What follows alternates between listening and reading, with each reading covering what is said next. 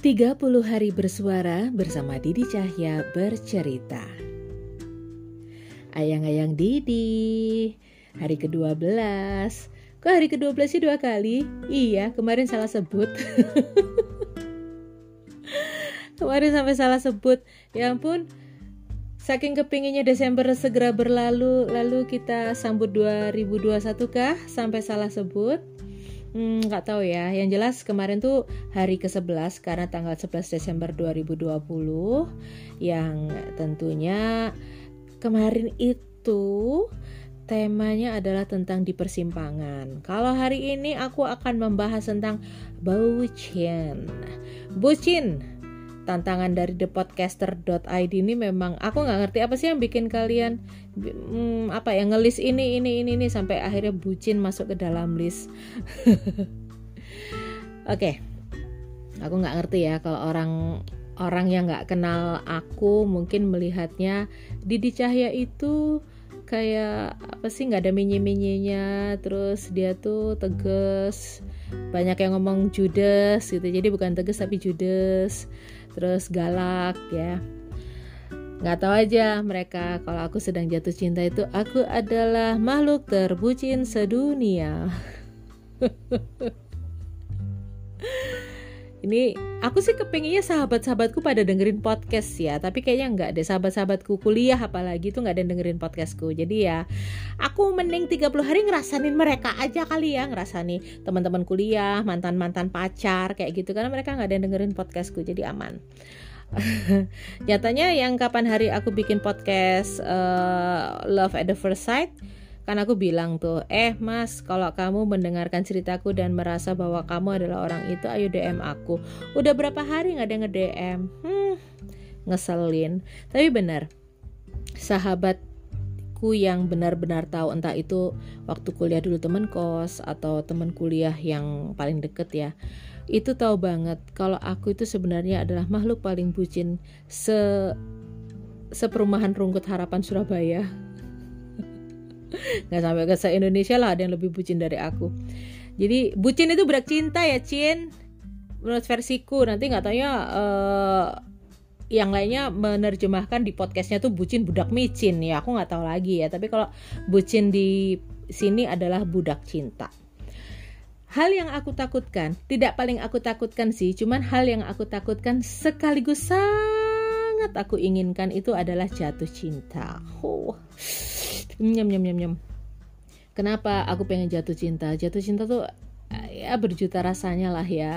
Uh, jatuh yang enak tuh ya jatuh cinta. Asal asal nggak delosor gitu ya. Kalau udah delosor udah nggak ada enak-enaknya uh, aku mendambakan perasaan itu karena kalau aku lagi jatuh cinta akan ada beribu kata yang muncul dari kepalaku. Akhirnya bisa jadi tulisan bisa jadi quotes bisa jadi apa. Jadi ya membuat hidupku tuh jadi lebih berwarna gitu.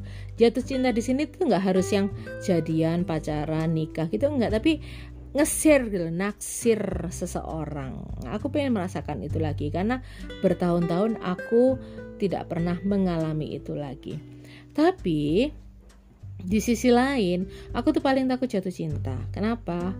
Kalau jatuh cinta aku tuh bucin dan aneh-aneh.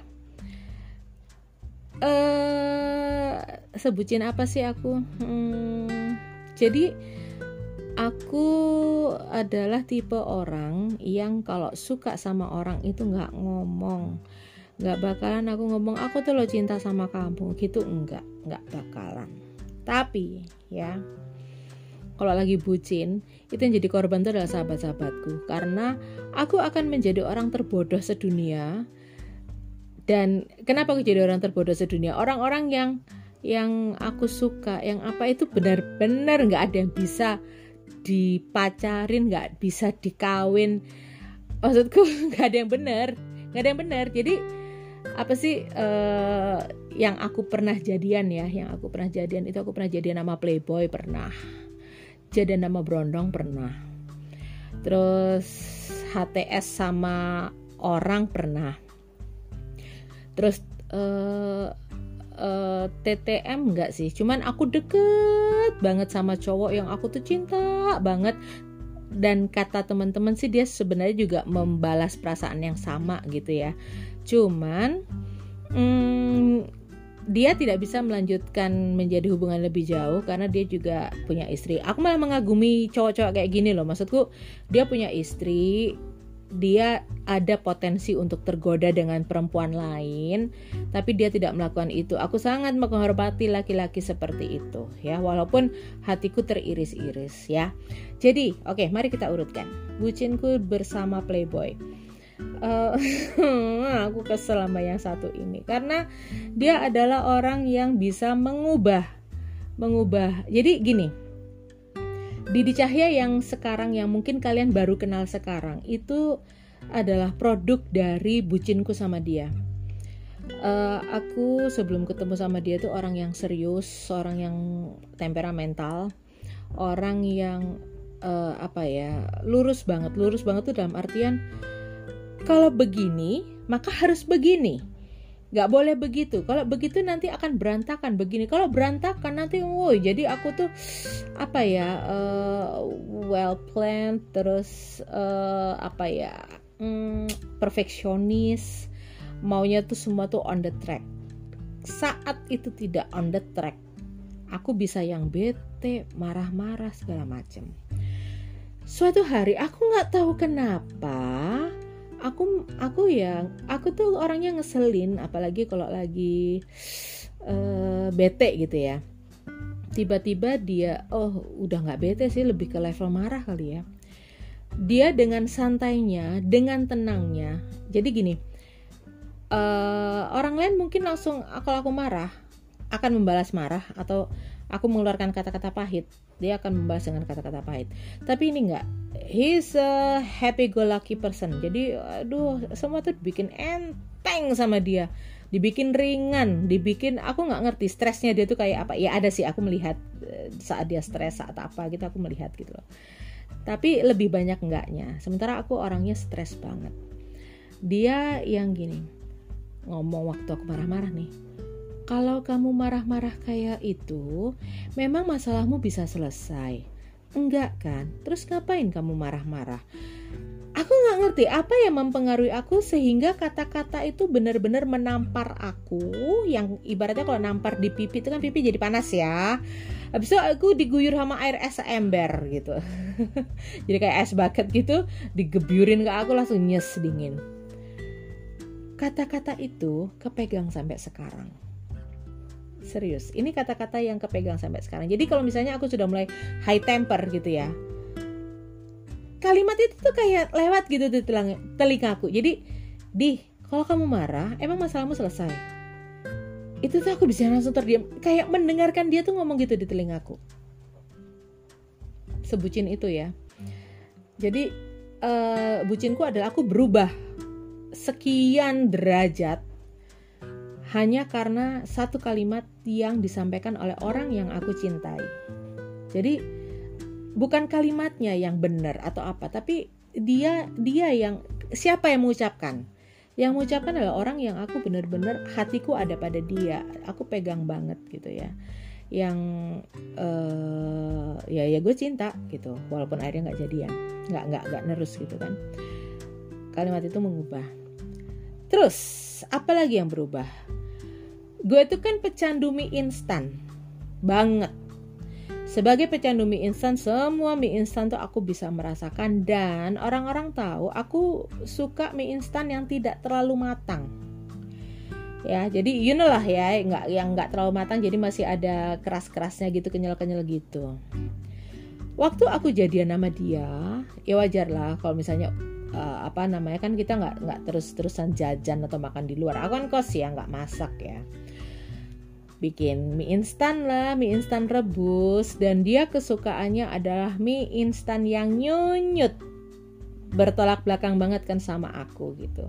Ya apa sih sukanya dan you know what? Sampai sekarang aku kalau ke warung mie instan atau apa aku mesti bilang kayak bukan mie instan aja. Uh, uh, kind of mm, noodles ya. Maksudku kayak mie pangsit. Itu kan orang kadang-kadang masih suka yang mie pangsit Jakarta gitu. Itu kan masih suka yang nggak kenyal ya. Aku mas dilamain dikit dong biar agak nyunyut gitu. Gila nggak sih? Aku sampai selera makan berubah loh. Dari yang nggak suka mie nyunyut mie mateng sampai akhirnya suka mie yang nyunyut. Nyunyut itu bukan yang anu ya bukan yang dia jadi lembek karena kelamaan di air terus dia dingin enggak. Tapi memang dalam proses pemasakan dia benar-benar nyunyut. Itu aku suka banget. Oh my god. Bisa sampai berubah seperti itu loh Terus perubahan apa lagi ya? Aku ada kok satu lagi tadi aku mau ngomong kok lupa ya tadi aku sudah konsep. Nah juga kalau kalau ayang-ayang Didi tahu ini aku posisi ngepodcast kayak apa. Aku tiduran sambil merem-merem soalnya sambil membayangkan masa lalu itu indah. Sambil membayangkan masa lalu itu enak. Jadi bucinku itu adalah saat aku mencintai seseorang dan dia mengu apa ya melakukan mengatakan sesuatu aku bisa mengubah perilakuku sampai sekarang banyak dari dari mantanku ini. Karena karena memang kalau ngomongin perasaan ah bodo amat lu denger apa enggak mas? Aku aku nggak ngurus. Kon krungu apa gak kon salah ambek sapa anakmu piro? Tapi memang dia adalah orang uh, bucinku. Nah saking bucinku sama dia waktu kami putus uh, aku itu dia kan adalah kendaraan yang suaranya khas gitu ya kalau datang ke kos-kosan segala macam itu kalau ada suara kendaraan seperti itu aku tuh sampai lari ke pintu depan loh. Ngintip dari jendela apakah itu dia atau bukan. Dan dan ya bukan. Hanya suara sepeda motornya seperti dia aja yang lewat. Jadi masa-masa aku gak sama dia tuh udah kayak orang gila sebenarnya. Jadi uh, karena aku. Karena begini dia itu memenuhi semua bahasa cinta yang aku butuhkan. The one and only person that fulfill my needs. Yang dia bisa memahami bahasa cintaku dan dia bisa memberikan itu. Cuman dia. Dan dia nggak nikah sama aku. Itu kan sakitnya kayak apa cuman ya sudah gitu nggak jodoh gitu. Cuman kalau orang nanya lu apa sih yang lu lu cari dari dia yang kamu suka? Dari dia dia lu gitu tok gitu. Iya memang. Teh gue ngono tok. Tapi bahasa cinta yang aku butuhkan dia bisa memenuhi. Jadi uh, tangki cintaku itu penuh kalau sama dia tidak dengan yang lain. Oke? Okay? sama dia. Terus yang aku cinta itu sama dia doang sih. Oke. Allahu Akbar ya Allah maafkan aku ya bojonya itu pertama. Yang kedua cowok yang bucin sama aku. Ya Allah ini ngeri banget sumpah. Ngeri banget. Jadi aku memang deket sama dia uh, ada satu periode aku setiap hari itu ketemu dia.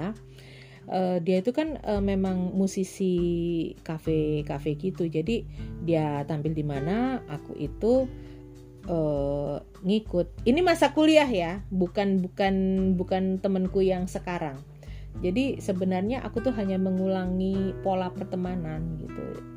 Nah uh, aku sering menghabiskan waktu sama dia karena he's a good listener gitu. Dia dia dia bisa mendengarkan apa pun yang aku bicara. Nah yang bucin tuh dia yang bucin, jadi ini kita bicara bucin ya. Itu bukan kalau yang tadi tuh bagaimana bucinku sama orang. Nah ini dia yang bucin. Sebucin apakah dia? Setiap hari dia mengusahakan untuk ketemu terus uh, gue misalnya ngomong eh aku suka lo sama lagu ini lagu ini enak ya. Uh, dia besok itu sudah datang membelikan aku kaset. Waktu itu masih kaset ya. Kaset dari lagu yang aku bilang tuh enak. Jadi aku mendengarkan berkali-kali lagu itu dengan kaset yang dia beri. Terus uh, dia akan melakukan apa pun untuk aku. Ibaratnya eh aku bosan sama kamu kamu nyemplung ke sumber dia akan nyemplung asli sumpah. Bener yakin. Saking saking bucinnya dia sama aku. Terus ya ampun. Aku jadi merasa bersalah sama dia. Nggak tahu apa kabar dia ya. Aku selama ke Semarang nggak nyari juga ya. Kau takut? Aku aku aku ada hal-hal yang aku hindari. Maksudnya aku tidak akan nyekar memori ke situ karena nanti akan apa ya aku nggak mau aja gitu. Udah masa lalu tuh masa lalu. Udah selesai sampai di situ Habis itu uh, kebucinan dia yang paling parah itu adalah dia menulis puisi di folio bergaris itu bisa berhalaman-halaman ya enggak sih uh, folio bergaris itu berapa halaman sih? Satu dua tiga empat gitu. Dia tuh nulis puisi memang dia orang seni banget seniman banget gitu. Dia nulis puisi yang panjang kali lebar sama dengan luas. Aku saya ngerti tuh dia nulis apa. Aku nggak ngerti sumpah tulisannya bagus puisinya nggak tau lah bagus atau nggak aku nggak baca. Karena aku ya nggak mau baca aku nggak mau baca gitu kan. Intinya adalah dia selembar itu pernyataan cintanya ke aku. Allahu Akbar ya Allah. Aku kalau aku sampai tutup muka tuh berarti ya Allah ada orang sebutin itu sama aku. Oke. Okay. dan yang parah uh, dia kan temen nongkrong aku juga. Dia tuh sampai pinjem beca eh temen nih nyeleh becak koncone iku. Hanya karena waktu itu aku memang mau pindah kos atau gimana gitu. Aduh nggak tahu deh gue nggak ngerti apa yang what's on his mind aku nggak ngerti gitu ya. Aku nggak ngerti. Jadi benar-benar dia bucinnya parah sama aku. Yang aku sampai keweden. Cuman untungnya untungnya dia tidak melakukan hal-hal yang membuatku semakin ketakutan gitu jadi dia menghargai maksudku gini dia dia tidak menjamahku dia tidak apalah. Cuman memang aku akui aku tuh kan di masa itu nyaman dengan sahabat-sahabat laki-laki, sahabat-sahabat pria gitu. Ada sahabat pria yang aku pernah ngobrol tentang bahasa cinta pelukan ya dia tuh suka meluk aku bukan dia bukan anak ini suka meluk aku ini kadang-kadang tuh cemburu juga gitu tapi aku tidak mau dia melakukan itu ke aku karena aku tidak nyaman. Kenapa? Aku pelukan sama sahabat gitu karena memang sama-sama nggak ada rasa kan, jadi enak gitu. Jadi kebutuhanku untuk physical touch itu bisa terpenuhi oleh sahabatku ini. Dan kami itu berteman, circle-nya sama. Sementara dia tuh kan punya perasaan ke aku, jadi aku tidak mengizinkan diriku untuk disentuh oleh dia sama sekali. Jadi walaupun dia adalah gitu, kita kita per, apa ya perempuan ya perempuan dan laki-laki dewasa gitu pasti akan ada gestur-gestur yang ayo dong gitu. Dan aku menangkap sinyal itu dari dia dan aku menolak sinyal itu. Dan dia menghargai itu. Nah itu yang membuat aku bisa berteman sama dia cukup lama dan habis itu aku tinggalkan eh bener. Aku aku ngerasa ini mungkin kesulitan kesulitanku sekarang itu adalah karma di masa lalu ya karena aku menyakiti hati laki-laki juga itu tapi jauh sebelum itu aku juga ada cowok bucin. Ya ampun banyak ya. Ternyata aku dulu tuh waktu kuliah tuh kok banyak ngefans ya. Jadi aku kul eh bukan kuliah. Aku kursus di satu lembaga bahasa. Di kelasku itu sekelas itu ada adik kelas maksudku dia adik angkatan uh, sekian tahun di bawahku dan lain jurusan dan beda kampus. Jadi di Undip Semarang itu aku kampus bawah, anak itu adalah di kampus atas karena dia anak eksak. Sementara kalau yang sospol itu kan masih di bawah, aku kan komunikasi masih di bawah, dia di atas di Tembalang.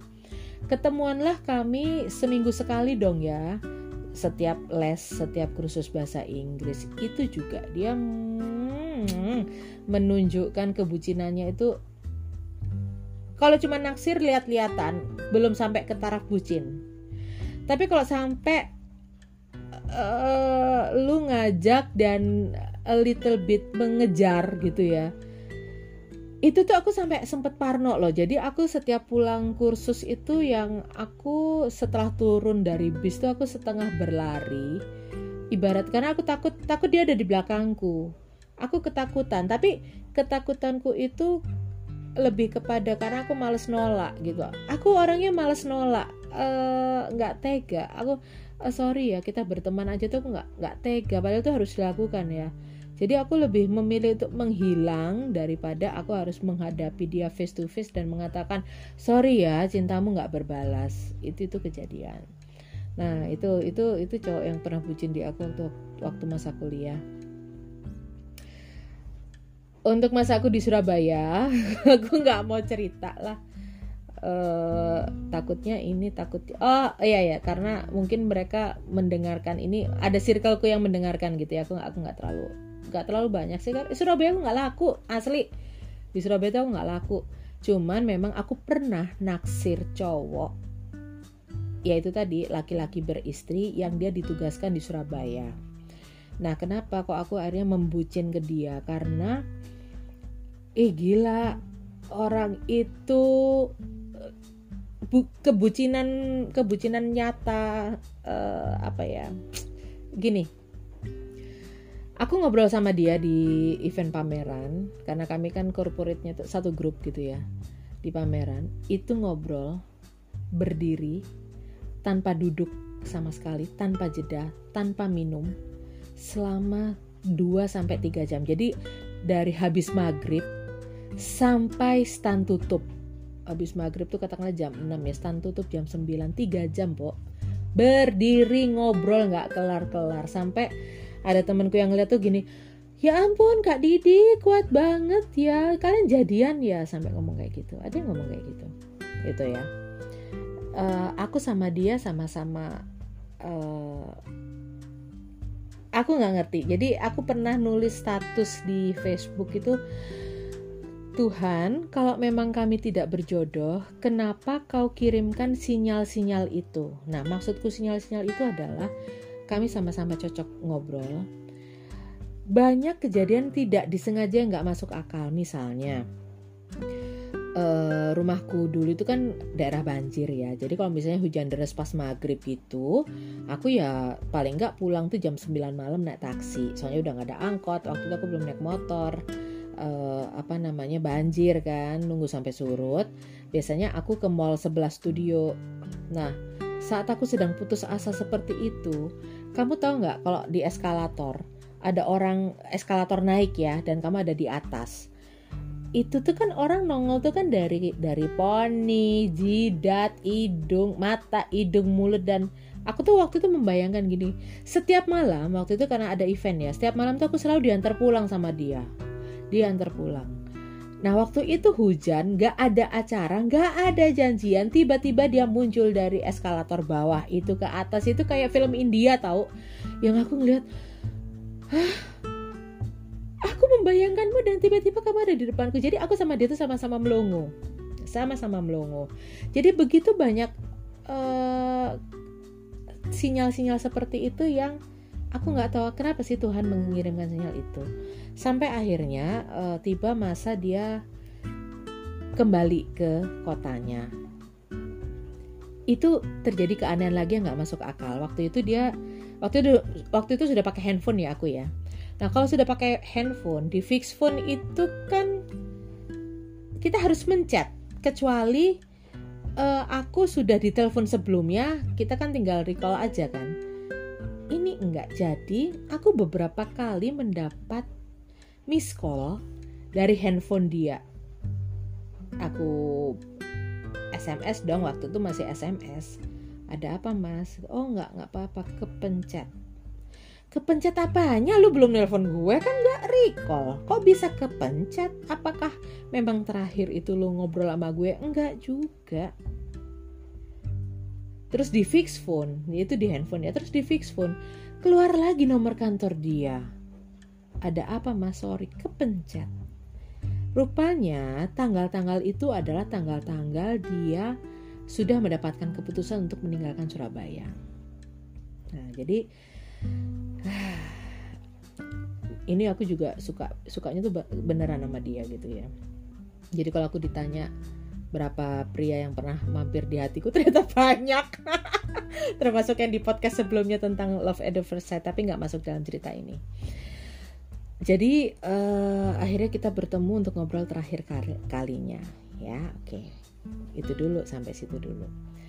Nah dia akhirnya dia sudah meninggalkan Surabaya. Aku tahu nggak sih? Aku tuh nangis berhari-hari loh aku nangis berhari-hari sampai sahabatku itu waktu itu datang ke studioku terus dia kamu loh kok masih nangis sih? Ya gimana? Aku tuh cinta banget sama dia tapi ya gak bisa nyatu memang gak bisa. Cuman perasaan yang gak berbalas ya cuman perasaan gak berbalas aku bilang kayak itu temanku tiba-tiba dengan ada takut-takut ngomong gini berbalas kok sebenarnya berbalas gimana? Oh aku langsung nada tinggi gitu kan.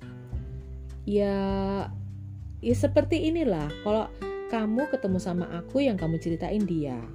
Kalau dia ketemu sama aku yang diceritain kamu. Dan itu selalu terjadi berulang-ulang. Terus sialan kamu ya kamu kenapa kok nggak ngomong kalau dia juga suka sama aku? Ya gila aja kalau aku ngomong sama kamu, aku tahu kamu tuh kalau memang sudah suka sama orang, kalau udah bucin sama orang waktu itu belum ada istilah bucin ya. Kalau kamu udah suka sama orang, kamu akan melakukan apa pun. Dan bisa jadi kamu akan menjem uh, apa? Menjemput bukan. Kamu akan menyusul orang itu ke tempat tugas dia yang baru. Bener sih. Serius dia bener. Jadi seandainya aku tahu kalau dia itu juga punya rasa yang sama sama aku tak kejar. Saking ngopone jal. Cuman ya sudahlah ya. Aku agak agak sebel sih sama temen. Kok kamu nggak ngomong sih? Tahu gitu kan? Ya aku kan juga nggak bisa merusak rumah tangga orang. Dia bilang ya bener juga temanku bener gitu. Ya aku nggak bisa merusak rumah tangga orang dan aku tidak bisa membiarkan kamu melakukan hal-hal nekat hanya untuk mengejar cintamu. Apakah memang aku sebutin itu? Yes I'm that bucin. Aku akan melakukan apa pun untuk mendapatkan itu tapi ya nggak juga sih masih mikir ya karena dia suami orang. Udah udah aku sudah lama ke fase nggak pernah bucin lagi sih setelah orang itu. Nah suatu hari aku uh, habis habis ya aku ngambil nah kan itu jam satu subuh nih udah. Teng. Jadi suatu hari aku ke mana ya? Oh gini aku ke Bandung. Jadi gini aku tuh tahu takut naik pesawat ya aku takut naik pesawat jadi selama perjalanan itu bisa ditempuh secara darat, maka aku akan melakukan secara darat. Nah, waktu itu aku ada tugas ke Jakarta untuk liputan Java Jazz. Aku memutuskan untuk naik kereta ke Bandung dulu, transit dulu dari Bandung aku baru naik travel ke Jakarta. Nah, oke, okay, kesebut deh kota. Dia ditugaskan di situ. Aku coba untuk mencet nomor teleponnya, aku SMS, "Mas, apakah nomor ini masih aktif?" "Oh iya, apa kabar?" "Baik, aku lagi di Bandung."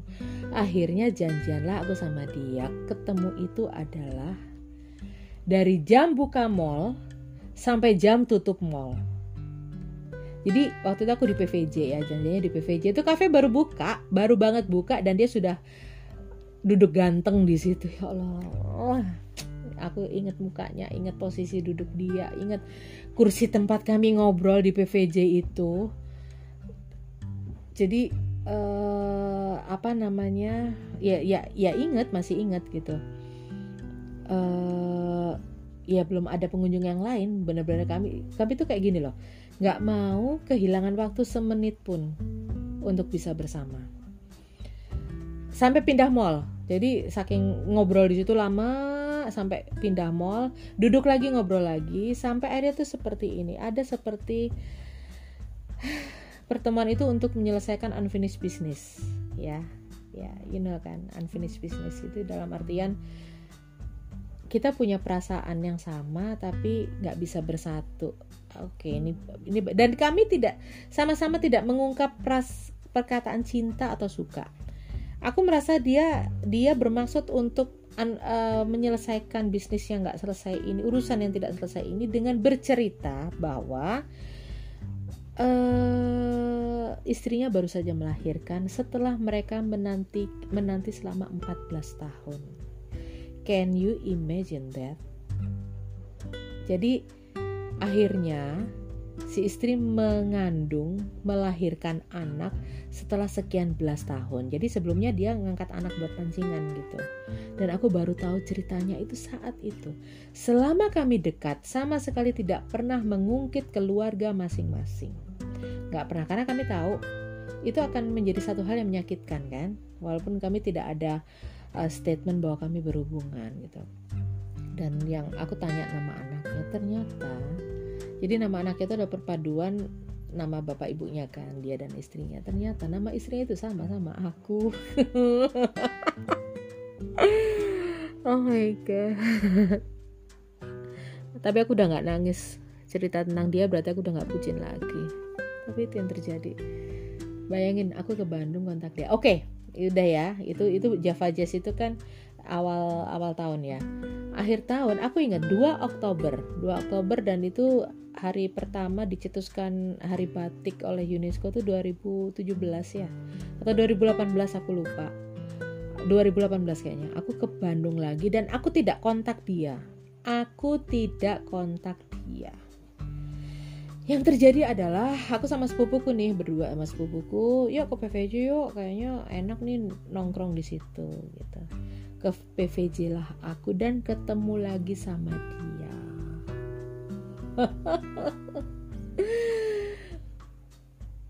aku sampai nangis loh itu. Maksudku sudahlah ya Allah sudahlah. Kalau memang dia bukan jodohku jangan pertemukan lagi aku sama dia jangan kirimkan lagi aku sinyal-sinyal yang tidak jelas ini. Jauhkan tolong. Jauhkan. Tapi ternyata enggak ketemu dengan bentuk pokoknya film film banget deh film banget. Dan ya sudah ketemu saling sapa gini-gini. Kelihatan dia kaget. Jadi kami sama-sama shock. Dari wajah ekspresi itu kelihatan banget kalau kami sama-sama shock gitu kan kaget gitu. Akhirnya sudah. Itu benar-benar unfinished bisnisnya berhenti sampai di Oktober tahun itu. Sudah selesai. 2008 nih kok 18 2008 sudah selesai. Finish. Fin ya ya aku kalau bucin tuh bisa yang setiap hari pengennya ketemu. Uh, ya ya untungnya aku ya aku nekat tapi nggak nggak lebih nekat lagi gitu. Setelah itu kebucinanku apa ya? Kadang-kadang aku lupa loh sampai aku lupa naksir siapa bucinku kayak apa teman-temanku yang mengingatkan. Tapi yang jelas begini ya ayang-ayang Didi jangan sampai bucinmu itu menjadi menjadikanmu orang yang tidak produktif jangan sampai kebucinanmu itu membuat kamu menjadi orang yang mau di abuse Jangan sampai kebucinanmu itu membuat uh, kamu melakukan hal-hal yang merugikan dirimu sendiri. Jangan.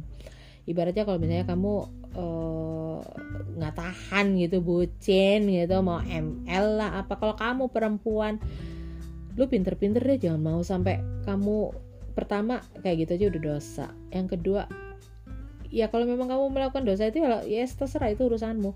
Ya pakai kondom kek keluar di luar kek di luar pagar gitu loh maksudnya dia di mana kamu di mana gitu kan. Jadi bucin itu harus ya ya ya bucin nggak ada kesadaran sih cuman jangan sampai kebucinanmu itu menghancurkan dirimu sendiri. Rugi pasti aku rugi waktu rugi perasaan gitu itu aku merasakan bucin tuh makanya aku malas kok jatuh cinta tuh bikin aku jadi goblok gitu loh muales aku. Tapi ya aku nikmati karena itu yang membuat hidupku tuh menjadi berwarna gitu. Jadi kalau memang bu, kebucinan itu tidak bisa dihindari ya sudah hadapi aja. Tapi jangan sampai kebucinan itu membuat kamu menjadi orang yang bodoh dan rugi. Aja sampai gitu loh. Jangan sampai kamu mau diperbudak oleh cintamu ya. Aku jadi kangen sama mantan mantan sama mantan ya bukan calon mantan. Sama mantan mantan kalau calon mantan aku nggak inget udah. Ya wes lah segitu aja. Sudah pagi udah jam 1 gila hanya demi 30 hari bersuara memenuhi tantangan thepodcaster.id sampai jam segini ngoceh sendiri. Wes ah sampai ketemu di tema besok ya. Bye